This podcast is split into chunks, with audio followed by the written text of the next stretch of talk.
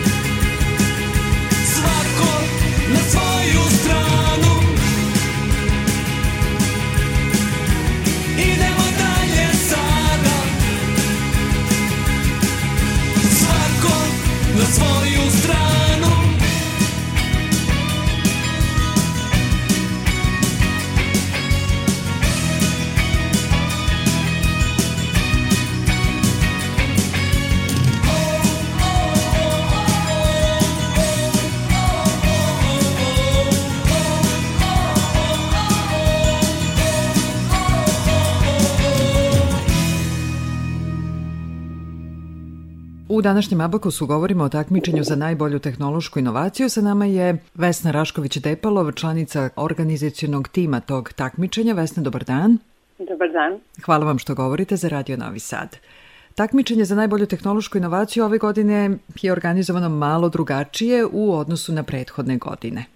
Tako je, 16. godina je osvanula i mi moram reći da radimo na isti način kao i prošlih e, godina. Ako uzmemo u obzir e, sve faze, sve krugove takmičenja, sve obuke, dakle dalje isto. Jedino što nam se promenilo jeste mesto gde održavamo treninge i gde održavamo uživo recenzije, da li tehničke ili poslovne. Dakle, sada je sve to preko Zuma, ali celokupno takmičenje nije umanjen ni njen sadržaj, ni njen kvalitet, što ćete na kraju u finalu i videti. Takmičenje ove godine počelo pre koliko meseci? Uvek startujemo već na samom početku kalendarske godine, kreću nam promocije, zvanična prijeva je bila u ovom sad slučaju malo pomerena zbog vanrednog stanja e, i prosto situacije sa koronavirusom, tako da smo u maju imali završetak prijavljivanja timova i onda smo krenuli sa svim redovnim aktivnostima koje takmičenje podrazumeva.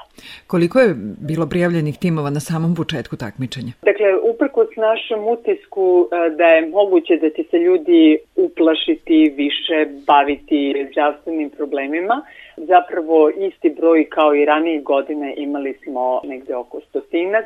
Oni su prošli prvi krug recenzije koja je podrazumevala tehničku proveru da li zapravo inovacija postoji, odnosno da li imaju prototip koji je funkcionalan i a, narednih a, 30 timova je prešlo u drugu fazu recenziranja, odnosno pripreme za drugi krug recenzije. Sad ih je toliko, da kažemo, u igri. E, ne, upravo nam se, za, zapravo 15. oktobra, ajde tačnije, tada imali smo završen drugi krug recenzije koji je podrazumevao proveru njihovog poslovnog modela. Tog 15. oktobra dobili smo 18 a, timova. Upravo danas prepodne imali smo situaciju a, da su imali tehničku proveru a, i to sad ovog puta sa aspekta novosti i prednosti njihovih inovacija, a sutra ih čeka susret sa poslovnim recenzentima koji će proveravati ono što e, imaju e, u poslovnom modelu, da li su o svemu dovoljno vodili računa. Istog e, ta dva dana, znači danas i sutra, nakon toga dobijemo 12 polufinalnih timova. U koliko kategorija je ove godine organizovano takmičenje? U dve. Jedna je realizovane inovacije, druga o kojoj sam sad upravo pričala, a druga je u svom samom završetku. U pitanju su srednjoškolski i studentski timovi i ostalo je sad za e, činjoškolce, odnosno šest e, finalnih e, srednjoškolskih timova i tri finalna studentska tima da imaju samo finale. To finale će se razlikovati u odnosu na prethodne godine. Nažalost ćemo morati, ovog puta ćemo raditi online, naravno u sve ono što podrazumeva, znači i prezentacije, i zlatni minut, i pitanje i odgovori koji budu davali. Dakle, scenario se ne menja? Gotovo da ne. I gde će se sve održavati? Onda odakle su ti e, finalni timovi u toj kategoriji? Iz Niša, Užica, Beograda, Tako da e, imali smo e, zaista e, ozbiljne ideje gde bismo održali uživo, međutim mislim da sada radi zdravstvenih okolnosti to nam je pre svega ovaj prioritet, tako da ćemo održati samo online. Vraćamo se pričom na kategoriju realizovanih inovacija. Da li će za njih biti organizovana dva polufinala kao i prethodnih godina? Sutra ćemo imati završene uh, poslovne recenzije i preko sutra imamo kada se uh, zbrajaju bodovi sa današnjih i sutrašnjih recenzije plus osvojeni bodovi koji su do sada imali, tada ćemo znati rang prvih 18 i vidjet ćemo onda koji su prvi 12 koji idu u polufinale način na koji ćemo organizovati, odnosno koliko dana i slično, to ćemo, kao kažem, još uvek razmatramo, da smo zaista mislili da ćemo barem polufinale imati uživo, ali sad moramo osmisliti najadekvatniji način kako da i to organizujemo online. Inače, polufinale će biti organizovana krajem novembra ili početkom decembra?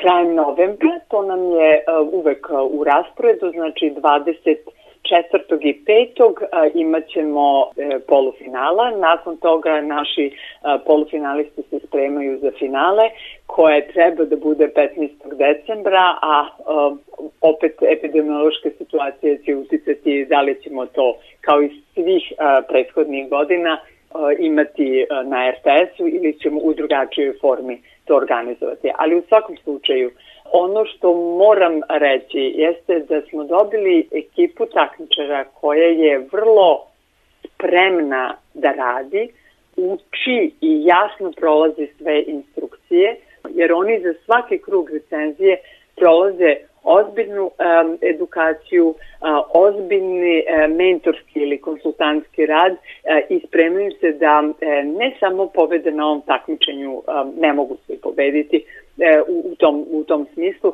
ali da se što bolje pripreme za izlazak na tržište. Vesna, rekli ste na samom početku našeg današnjeg razgovora da je ovo 16. takmičenje za najbolju tehnološku inovaciju, dakle toliko godina iskustva. Šta biste izdvojili kao najveću vrednost? Da li su to novo osnovana preduzeća? Dakle, mi možemo govoriti o kvantitativnim podacima kao jedan od rezultata a, takmičenja, a, pa onda ćemo govoriti o 7000 a, ljudi koji je prošlo za ovih 16 godina a, kroz a, obuke i sistem a, recenziranja. E, možemo pričati o 85 novo osnovanih preduzeća koji su nastali kao rezultat rada odnosno e, rada nas u toku godine e, sa njima i nakon toga oni osnivaju preduzeće. Možemo pričati o broju napisanih poslovnih modela, dakle tih mapa koje oni koriste i treba da koriste prilikom svog poslovanja. To je više stotina. Međutim, ključni rezultat jeste e, kvalitativna promena koja se, koja se u njima desi od maja kada zapravo krenemo prve treninge s njima pa do kraja e, decembra. To su nevrovatne promene koje ljudi e, doživljavaju unutar pojedinaca i unutar tima, jer na takmičenje mogu da se prijeve isključivo timovi, jer jedan čovek ne može voditi posao, jer to je prosto nemoguće da neko se bavi i razvojem, i financijama, i marketingom, i strategijom i tako dalje. Mi ćemo se u današnjem Abakusu e, podsjetiti nekih inovacija finalista prethodnih e, takmičenja za najbolju tehnološku inovaciju različite su oblasti. Da li je takva situacija i ove godine? Naravno, imali smo svoje vremenu ideju pa, e, iz određene oblasti da bude e, nagrada ili samo kategorija. Ne, toliko je raznolika i mislim da je multidisciplinarna e, ono što već sad krasi veći broj godina unazad, ali ono što, što sam htela da, da, da se nekako, zabrala sam reći u prethodnom odgovoru na vaše pitanje, a, a to je e, šta je rezultat a, ovog takmičenja. Mi smo februara ove godine a, formirali NTI zajednicu. Dakle, svi takmičari koji su prethodnih godina, prethodnih 15, učestvovali na našem takmičenju, smo pozvali tokom marta meseca, marta, aprila i maja, razgovarali a, sa njima, videli u kojoj fazi a, takmičenja se oni nalaze, ne takmičenja nego a, na tržištu, koliko su uspešni, s čim imaju izazove i slično. Tako da e, posebne rezultate a, o ovom istraživanju i specifičnostima uspeha E, inovativnih e, preduzeća u Srbiji u odnosu na ostatak sveta, e, jer smo došli do nekih vrlo zanimljivih saznanja. Imaćemo od sledeće godine jasne i prikazane i mislim da je to onda još jedan novi vid informacije koje ćemo mi davati e, svakom narodnom takmičaru, e, jer mislim da ta saznanja šta uspeva ovde kod nas, na koji način um, uspevaju da reše određena pitanja, to je sada ključna stvar.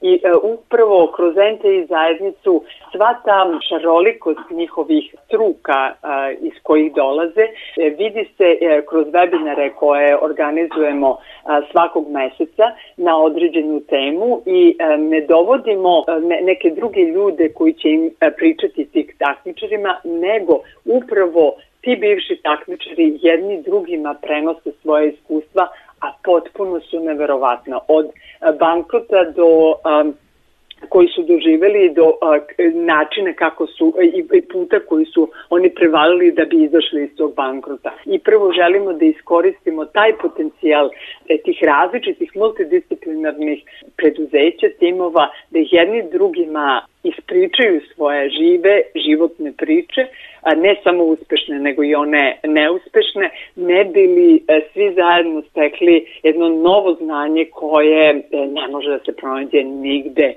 sem zaista u toj razmeni. Od ideje do inovacije.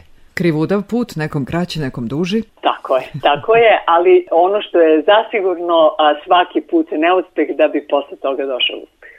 Vesna Rašković-Depalov, članica organizacijonog tima takmičenja za najbolju tehnološku inovaciju, govorila za Radio Novi Sad. Vesna, hvala vam. Hvala vama.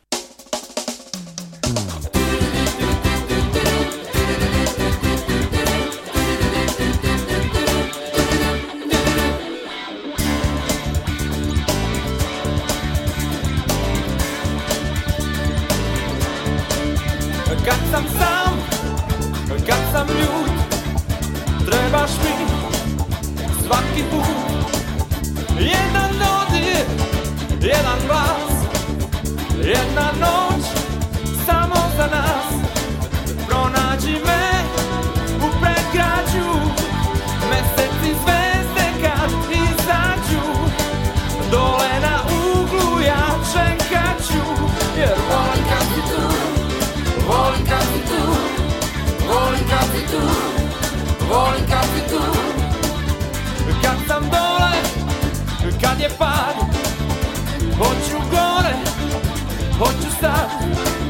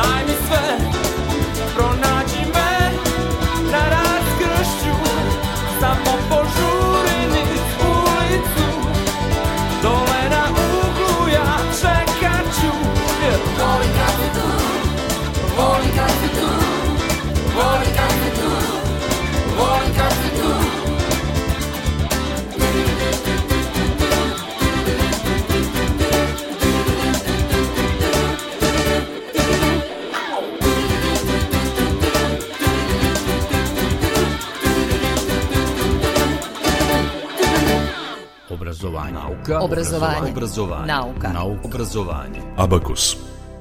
Kada kupujemo pavlaku, kiselo mleko, jogurt ili slične proizvode, ne razmišljamo o tome kako su iz mlekare ti proizvodi stigli u prodavnicu, a da bi ih u zdravstveno ispravnom stanju u kom izlaze iz mlekare dobio i potrošač, poštuju se zakonom propisani standardi za transport tih gotovih proizvoda, što znači da o transportu gotovih proizvoda razmišljaju oni kojima je to posao, dakle ljudi u mlekarama.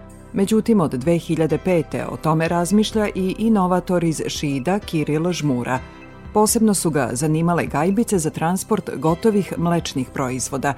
Posle nekoliko godina istraživanja ponudio je bolje rešenje, kojim je između ostalog smanjena potrošnja papira i kartona, pa samim tim smanjena je i seča šuma – Smanjene su i potrošnja energije i mogućnost zagađenja, jer je izbegnuto pravljenje i lepljenje ambalaže u mlekarama, a nema ni svakodnevnog vraćanja i pranja plastičnih gajbica u koje se pakuju čaše za jogurt, pavlaku i druge mlečne proizvode. Kad smo mlekarama ponudili tu inovaciju, kad smo je osmislili do kraja, nacrtali, To im je značilo mnogo jednostavniju upotrebu, naš proizvod dolazi gotovo u mekaru, ne treba više ništa se radi s tim, samo se stavlja na mašinu i puni praktično sa čašama i još jeftiniji nego ovaj koji se sada koristi. Do konačnog oblika novog proizvoda, priznaje ovaj inovator, stigao je uz pomoć supruge Anice Žmura.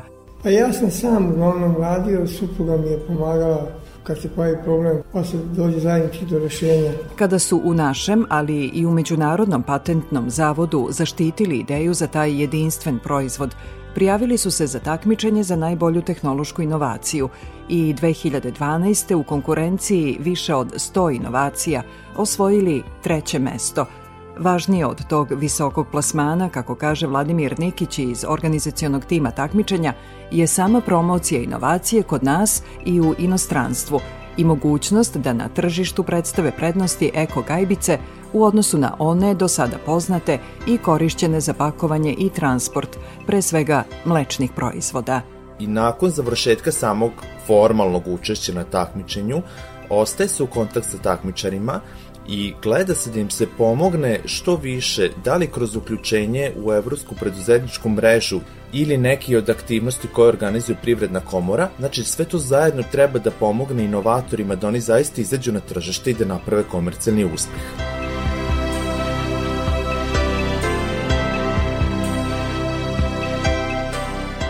Domaće, ali i evropske mlekare zainteresovane su za gajbice koje su jeftinije i čvršće, a prazne zauzimaju 10 puta manje prostora nego one od takozvane valovite lepenke, koje se još koriste. Ali, kako kaže Anica Žmura, neće još dugo, s obzirom na to da su potpisani i prvi ugovori, pa će eko gajbice koristiti mlekare u našoj zemlji, ali i u inostranstvu – Uskoro će ih biti na austrijskom i nemačkom tržištu, gde naročito insistiraju na ekološkim proizvodima i očuvanju životne sredine. Ovo je sada gajbice koje se koriste od valovite lepenke. Za praktično proizvodi od, direktno od sečnog drveta, znači ne može se napraviti od drugog materijala. To je sad nešto što odsečemo drvo, napravimo lepenku i onda bacimo otpad mi sad taj otpad i tu ambalažu koju će i dalje da koriste za nešto, mi ćemo to prerađivati. Ove vaše gajbice ponovo mogu da se recikliraju? One mogu, te gajbice se ponovo recikliraju, znači stalno može da se vrti. Repromaterijal i za količine veće od do sada dogovorenih nije problem nabaviti. Papira jako mnogo ima otpadnog, nude nam stalno. Iz inostranstva isto velike količine, čak i jeftinije, malte ne može da se nabavi, tako da ovo uopšte nećemo imati problema što se toga tiče. Mi ne možemo potrošiti sa otvodnim papir koja ova zemlja ima. Oni bukvalno od starog prave novo, podsjeća Kiril. Otapamo taj papir u vodi i od njega pravimo na kalupima ovu našu gajbicu za mlekare. Kiril i Ana dogovaraju gde će proizvoditi onu prvu inovaciju, eko gajbicu, pa i ove nastale posle te nagrađene na takmičenju za najbolju tehnološku inovaciju. A da bi mogao da odgovori na poručbine koje već ima, bračni par Žmura planira da zaposli više od 50 radnika. Abakus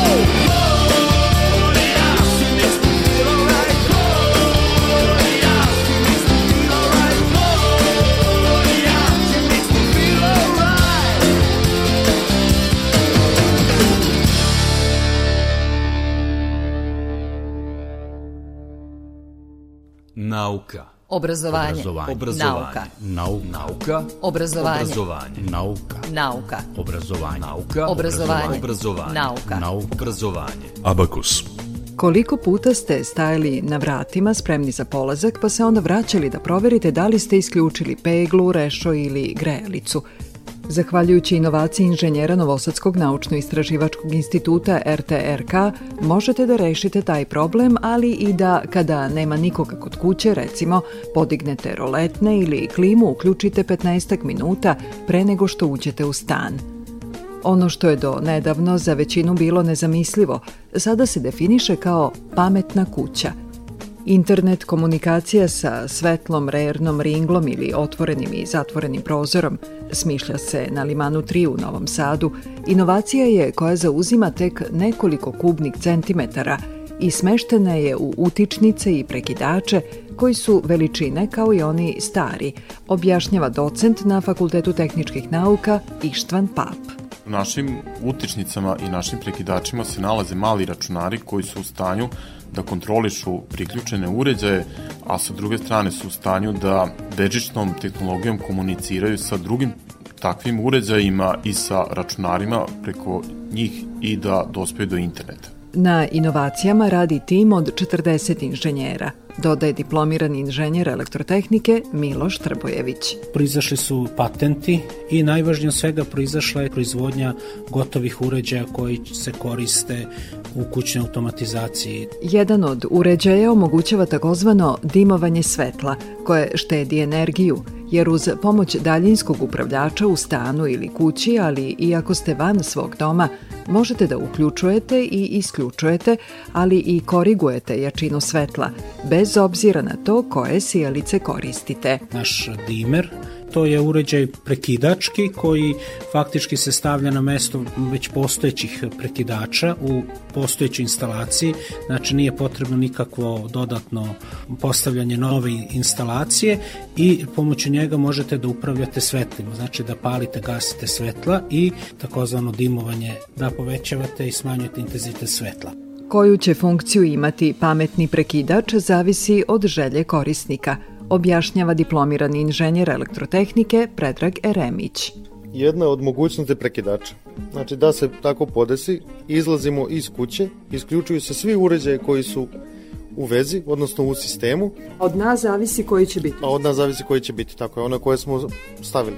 I druga varijanta kad se vraćamo u kuću, znači na isti taj taster, kratak klik i uključu se uređaje koje želimo da se uključi to naravno možemo, možemo da menjamo. Da li su to svetla, da li je to televizor, da li je šta god, klima uređaj. U jakoj konkurenciji na takmičenju za najbolju tehnološku inovaciju 2014. RTRK je osvojio treće mesto, kaže za Radio Novi Sad koordinator takmičenja profesor Vojin Šenk. Njihov sistem u sebi sadrži osam patenata, od kojih se nekoliko odnosi na sistem detekcije prisustva čoveka u prostoriji. I to ne detekcije na osnovu pokreta kao drugi slični sistemi, nego na osnovu disanja i otkucaja srce, tako da čovjek može i da spava i ovaj ga i dalje detektuje. Upravo to bi, dodaje Schenk, moglo u ponudi takozvanih pametnih kuća da izdvoji inovaciju novosadskih stručnjaka. Čini mi se da je taj element njihove inovacije, ono što im može dati prednost na tržištu, dakle, nije kao kada uđete u neku prostoriju, upali se svetlo i ako se ne pokrećete, ono se ugasi. Različiti scenariji se primenjuju, recimo scenarij može biti da se kad neko izađe automatski isključi televizor jer nema potrebe da on bude uključen a s druge strane svetlo ne mora da se isključi da ne bi to obeštavalo lopove da nema nikog. Pametne prekidače i utičnice proizvodi Aling Konel. To preduzeće u Gajdobri, kaže Stojan Dangubić, lako je odlučilo da postane poslovni partner Novosadskog naučno-istraživačkog instituta. Svidela nam se ideja jer mislimo da je budućnost u opremanju instalacija i u upravljanju svetlom. Ono što pogotovo interesuje mlađe generacije ili internet generacije, da ih tako nazovemo, mogućnost da se sa tim istim svetlom upravlja ne samo daljinskim, nego i sa smart telefonima, smart tabletima i ostalim uređajima, što danas je trend, ajde da kažem, u svetu i trend mlađe generacije. Utičnice i prekidači mogu se menjati pojedinačno ili kao ceo paket, a zbog komfora, uštede energije, ali i bezbednosti, uloženi novac brzo se isplati, tvrdi Predrag Eremić. Osnovni nivo se za neki stan od 60 do 70 kvadrata svede na desetak uređaja, od, to, od tih 10 uređaja recimo 7-8 su svetla, dve ili tri utičnice i daljinski upravljač. To je osnovni paket i to je red veličina 500-600 eura. Među prvim korisnicima pametnih utičnica i prekidača je Gordana Velikić iz instituta RTRK. Moram reći da sam imala tu sreću da dobijem pre nego što izašao na tržište da isprobam i 15 minuta pre nego što ću doći uključim klimu, kad dođem kući već je raslađena. Prezadovoljna sam isto tako sa svetlima što mogu da nameštam, stavim neki preset kad gledam televiziju, ne moram da razmišljam, samo pritisnem dugme, već je sve isprogramirano. Toliko sam bila zadovoljna da posle šest meseci kad je konačno bilo na tržištu sam instalirala i u kući svoje mame. A mama Zdravka Velikić i komšinicama priča o prednostima nove utičnice za šporet. Ja na šporetu to imam I jako je dobro kad odim kod komšnice na kafu, na primjer, a zaboravila sam da isključim šporet, onda mogu preko mog mobilnog da ga isključim. Je to je jako... Nije, samo nađete ikonicu i Nije, nije komplikovano, mislim, sa svim jednostavno morate samo znati, znati taster da pritisnete i to je to. Planira da nove tehnologije primeni i u kući na selu. Naravno, nismo stalno tamo, pa je hladno, pa razmišljam da mi se ugradi tamo isto jedan uređaj, da mogu te peći da uključim dan, dva ranije i kad dođem, toplo je lepo.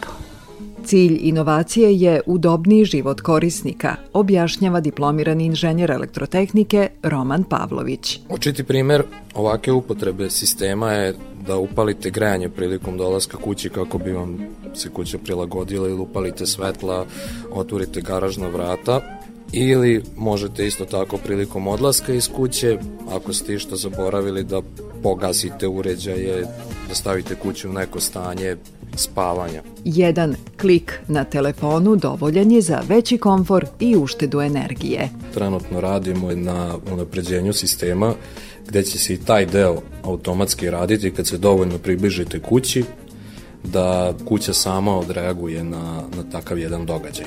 Dovoljno da sa sobom nosite vaš telefon, sistem će sam u sprezi sa telefonom shvatiti da ste vi blizu kuće i odreagovati kako je već sistem podešan da funkcioniše. A ja podešavam sistem. Ja mu dajem zadatke šta da uradi kad se približavam kući. Tačno. To može biti različite stvari od otvaranja roletni, prozora, do uključivanja klima uređaja ili šporeca. Podgrevanje ručka. Podgrevanje ručka. Još napravite nešto za veliko spremanje. Ništa od toga.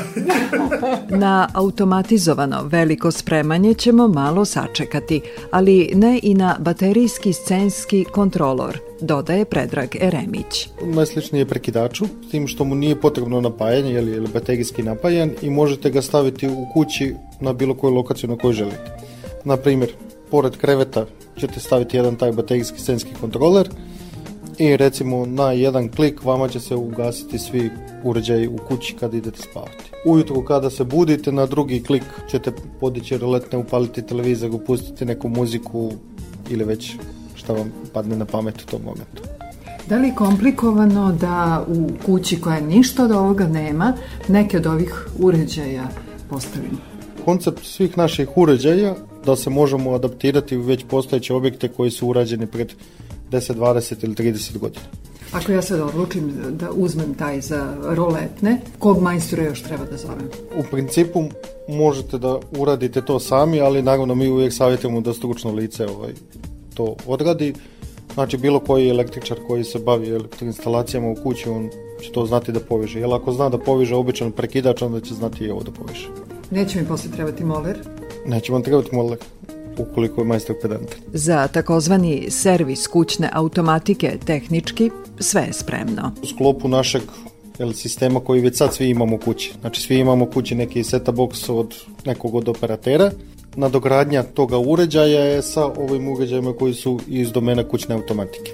I naša komunikacija sa tim uređajima je? Naravno u lokalu dok smo u kući, mobilni telefoni, tableti i sve ostalo što sad koristimo kao neke uređaje bez kojih više ne možemo i naravno kad smo van kuće ovo je preko interneta. Članovi RTRK tima moraju da imaju znanja iz različitih oblasti. Inženjerska znanja, znači multidisciplinarni pristup, znači od osnovnih inženjerskih znanja kao elektronika i poznavanje te oblasti.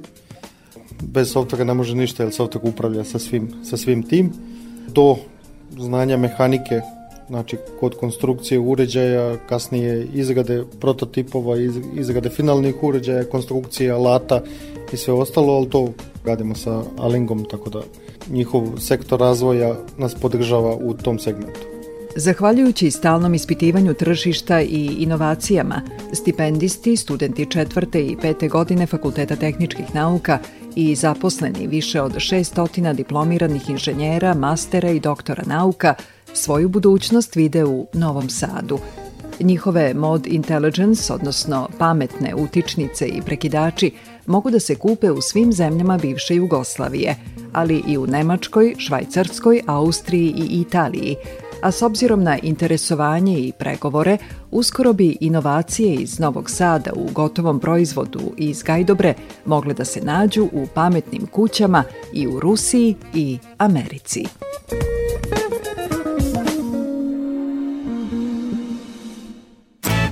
Poljubac u snu. Tvoje oči kao masline Plivamo po dnu. Prečicom do tajne obale Dani ljubavi.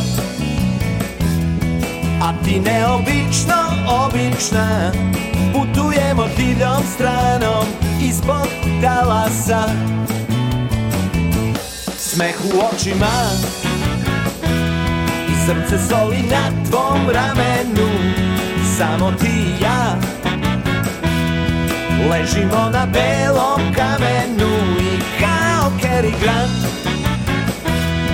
Kao plima posle oseke Vraća se i opet iz sredine počinje. Mi nećemo stići nikada daleka ostrva Al zato lako letimo. Nebom ka zvezdama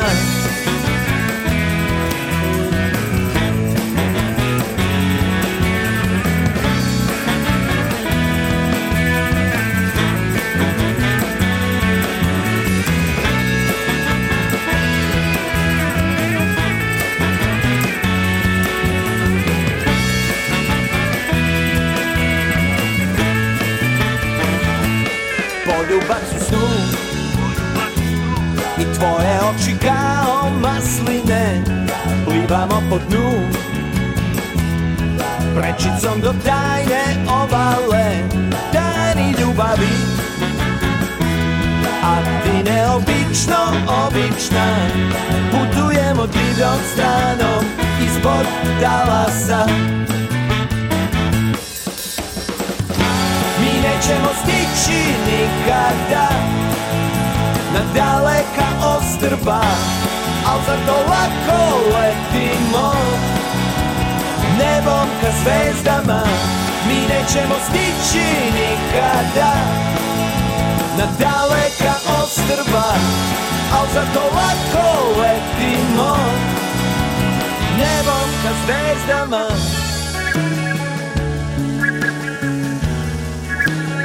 Nebom ka zvezdama.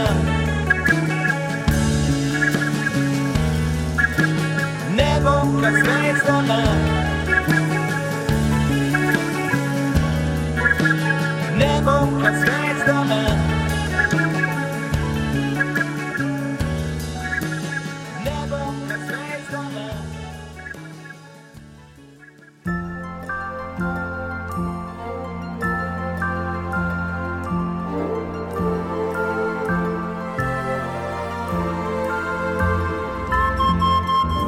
Do nagrađivane inovacije Ober Kneževi su došli pokušavajući da reše svoj problem. Dugo su se borili protiv vlage koja je napadala njihov prvi zajednički stan, kaže za Radio Novi Sad po struci inženjer melioracije Stevan Ober Knežev. Priča zašto sam došao na ideju da se bavim ovim poslom datira još davne 71. godine, danom naše venčanja, jer smo kao svadbeni dar dobili u nasledstvo jedan od najvažnijih stanova koje sam ja ikad u životu video u Njegošovoj 13. Poklon mog dede. Sretni, zaljubljeni, mi smo se tu selili, ali nije mog da se živi. I onda smo pokušavali da primenimo mere tehničke zaštite, sve što je ikada bilo poznato u svetu. Naravno, nismo uspevali. 11 godina pokušavali su da do tada poznatim sredstvima reše problem vlažnih zidova u stanu. Kako kažu, potrošili su silne pare, a stan je i dalje bio vlažan. A onda je Mirjana, ekonomistkinja po struci, dobila stipendiju holandske vlade i priliku da specijalizira istraživanje tržišta na ekonomskom fakultetu u Amsterdamu. Trebalo je da se na godinu dana odvoji od porodice – ali muž je imao drugačije planove, priseća se Mirjana. Stevan je onda rekao, e, sad ću ja da naučim šta je to kapilarna vlaga od ljudi koji se bave vekovima, bore se sa, sa vodom, sa morem, ja, nizozemska. Tako da je onda rešio da uzme neplaćeno i da ide u Holandiju za mnom. Stevan je našao mentora na e, kraljevski, kraljevska laboratorija pri Institutu za zaštitu spomenika kulture. Poslao ga u tehničku biblioteku, najbolje opremljenu i tada i sada. To je bila 82. godina, oni su već bili kompjuterizovani, onda možete zamisliti na kom je nivou to bilo. Stevan je sada bio još sigurniji u ideju koja mu se s vremena na vreme javljala tokom godina bez uspešnih pokušaja da, kako kaže, izleči zidove stana. Jedini način je bio da se taj zid potpuno preseče, nekako i da se u, u taj rez ugradi nekakva nova vodonepropusna barijera. Na taj način bi se prekinuo kapilarni most i onda se pojavljivala velika briga, veliki problem kako sprečiti da taj zid slegne i da ne popuca. Kada je završio istraživanje u Holandiji, znao je sve o problemu vlažnih zidova. Korak po korak, naglašava supruga Mirjana, došao je i do rešenja. Patentirao je takozvane Hiomaster šine i specijalnu masu koja, pokazalo se, ne dozvoljava vraćanje vlage i sleganje zidova. Kad smo se vratili 83. onda je krenuo i da se bavi praktično sanacijom starih objekata od kapilarne vlage, da primenjuje to svoje teorijsko znanje, da ga kombinuje sa praksom, Tako da on je jedan od najvećih stručnjaka za fenomen kapilarne vlage i naravno za svoju hiotehnologiju koja je kasnije došla kao plod dugogodišnjeg iskustva. Sada drugi uče od njega. Stevan drži predavanja na Arhitektonskom fakultetu u Budimpešti, drže na Građanskom fakultetu, arhitektonskom u Beogradu, drže ovde na FTN-u nekoliko puta studentima i studenti jako vole njegove predavanje zato što on to dopuni vrlo, na jedan vrlo plastičan način predstavlja ove, unosi dosta jednu dozu humora koja se studentima sviđa, a najviše im se dopada to posle dobija mailove, e, zahvaljuju se studenti što su saznali nešto novo što nisu, nisu ranije znali. Rešenje problema takozvane kapilarne vlage Oberkneževi su predstavili na sajmu tehnoloških inovacija u Remsu. Taj odlazak u Francusku iskoristili su da u Parizu hiotehnologiju predstave u tamošnjoj kancelariji UNESCO. Jer se ja svoje vremeno da prvo u šali, a posle u zbilji govorila Stevanu imaćeš ti prezentaciju u UNESCO. On je smatrao da se ja šalim kao to je suviše visok domet, međutim zaista smo uspeli. Na svetskoj izložbi inovacija i novih tehnologija u Briselu za hiotehnologiju 1998. godine dobili su zlatnu medalju za inovacije i specijalnu nagradu Njujorške fondacije za inovacije. Jedna mađarska firma koja se bavi zaštitom starih građevina zainteresovala se za to što rade Oberkneževi i ponudila im da od vlage zaštite zgradu Muzičke akademije France Liszt u Budimpešti. Zahvaljujući tome što su isušili podrum u kojem se čuva ostavština Bele Bartoka od 2001. prisutni su na mađarskom tržištu. Imamo jedan lep broj objekata koje smo uradili. Najviše od tih objekata su pod zaštitom, većina je pod zaštitom spomenika kulture. Zna se za tehnologiju, mi smo dospeli u tu fazu da nam recimo arhitektonski fakultet Budimpešta da unosi u projekte našu tehnologiju kao obavez. Novosađani Mirjana i Stevan Oberknežev predstavili su hiotehnologiju i na ruskom tržištu. Pregovaraju i sa jednom britanskom kompanijom koja se bavi zaštitom 26.000 crkava u toj zemlji, a oni su najponosniji na ono što su radili u svom gradu prvi naš veliki objekat u Novom Sadu, e, Muzej grada Novog Sada na, na centralnom platovu na tvrđavi, na centralnom platonu tvrđave, nekadašnja topovnjača, danas muzej grada Novog Sada. Zatim muzej Vojvodina, Stubove gradske kuće, to smo poklonili, to mislim da se zna ili se ne zna, jer mi tome nismo pridavali nekakav, nekakav publicitet. E, uradili smo, pa isto kao donatori, zašto to ne reći, mi smo uradili poklon našem gradu, poklonili smo ono što najbolje znamo i umemo da radimo. E, zaštitili smo od vlage kapelu na katoličkom groblju, na jevrejskom groblju i na almaškom groblju. Posle prvog od vlage saniranog objekta pod zaštitom države, Šapčani su za renoviranje starih objekata prvo zvali Hio majstore. Jer opština Šabac je videla da iz svog budžeta daje pare za neke metode koje se moraju ponavljati. Što bi oni to uradili? Jer su videli da kad primene hiotehnologiju, da posle toga više nema povratka na iste objekte, na isti problem, nego se ide dalje.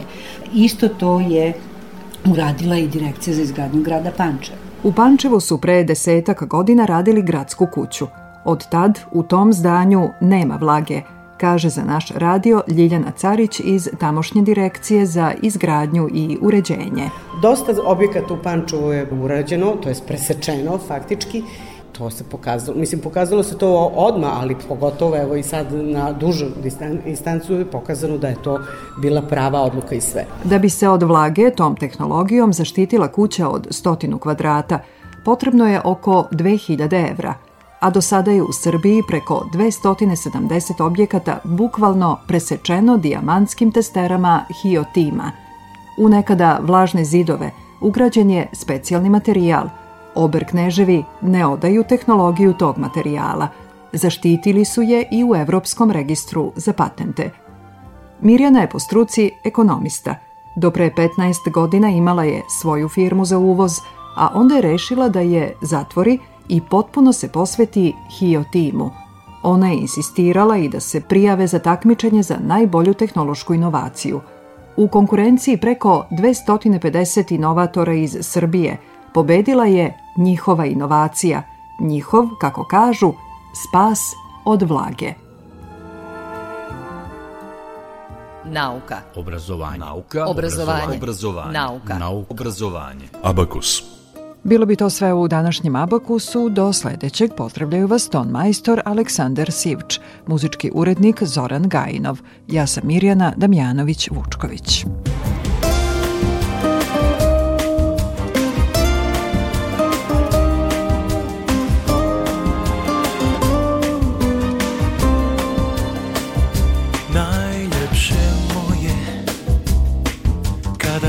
Riječi otrovne ubiju nježnost.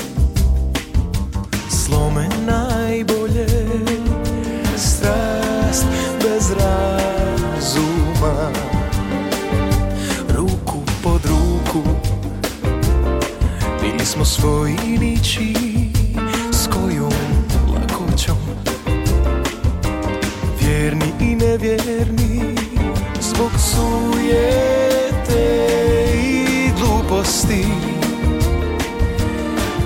Nismo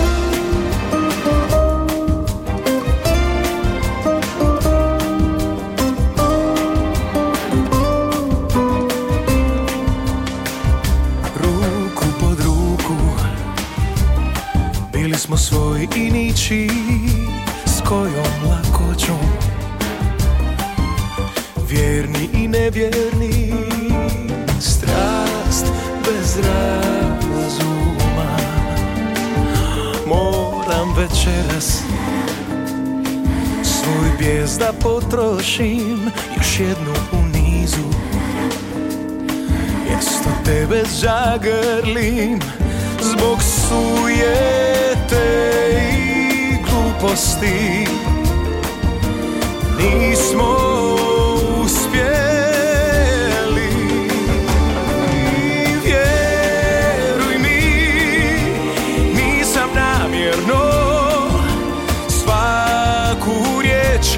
mogu ja.